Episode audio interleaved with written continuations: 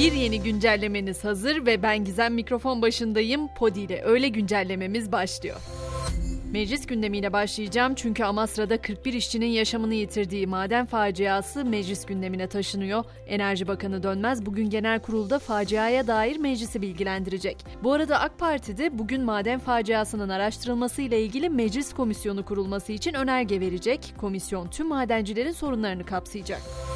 Geçen hafta çok çok konuştuğumuz mevzuya dönecek olursak sosyal medya düzenlemesi resmi gazetede yayımlanarak yürürlüğe girdi. Gerçeğe aykırı bilgi yayanlara 3 yıla kadar hapis cezası verilecek. CHP ise meclisten geçen bu sosyal medya yasasını şimdi Anayasa Mahkemesi'ne taşımaya hazırlanıyor.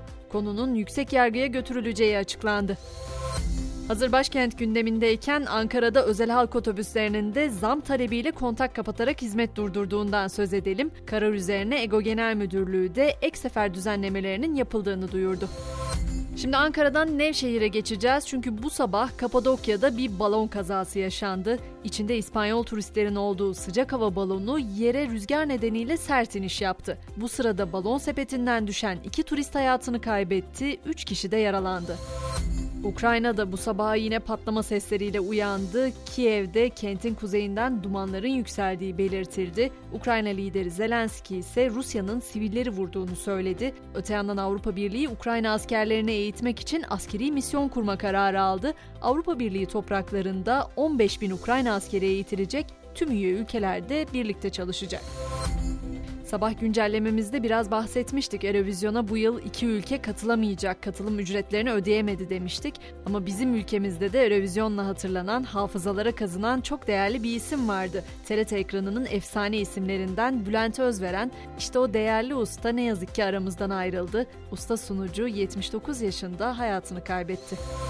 Tam demiştik ki koronavirüs artık gündemin geri planında kaldı. Biraz daha grip gibi geçer oldu ama Amerikalı bilim insanları rahat durmadı tabiri caizse. Çünkü laboratuvarda ölümcül bir koronavirüs geliştirdikleri ortaya çıktı. Geliştirilen yeni virüsün öldürme oranının %80 olduğu belirtiliyor. Araştırmacılar peki bunu niye yaptı derseniz COVID-19'un ne kadar ölümcül olabileceğini anlamak adına böyle bir çalışma yaptıklarını söylüyorlar.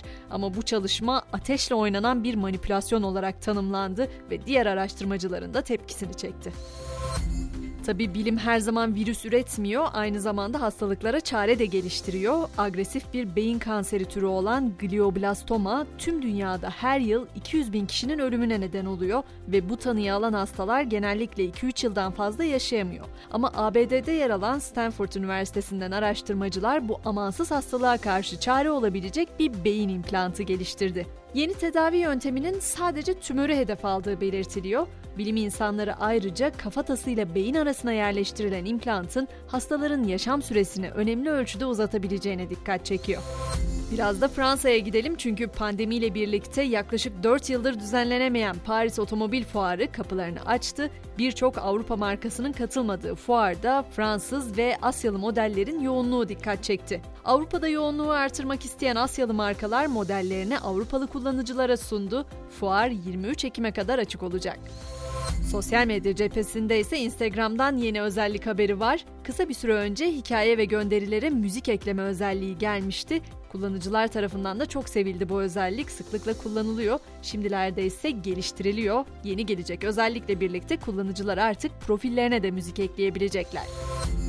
Ve yavaş yavaş spor başlığına doğru ilerleyelim. Seul'de düzenlenen olimpiyat elemelerinde İran'ı temsil eden Elnaz Rekabi, İran'ın kadın sporcular için getirdiği kısıtlamaları hiçe sayarak final elemelerine başörtüsüz çıkmıştı. Bu hareket aynı zamanda ülkesindeki Mahsa Amini protestolarına bir destek amacı taşıyordu. Ama o müsabakaların ardından İranlı sporcudan haber alınamaması soru işaretleri doğurdu. BBC'nin haberine göre İran bürosu pazartesi gününden beri Rekabi'den haber alınamadığını bildirdi. Muhalif gazetelerin haberine göre ise sporcunun pasaportuna ve cep telefonuna el konuldu.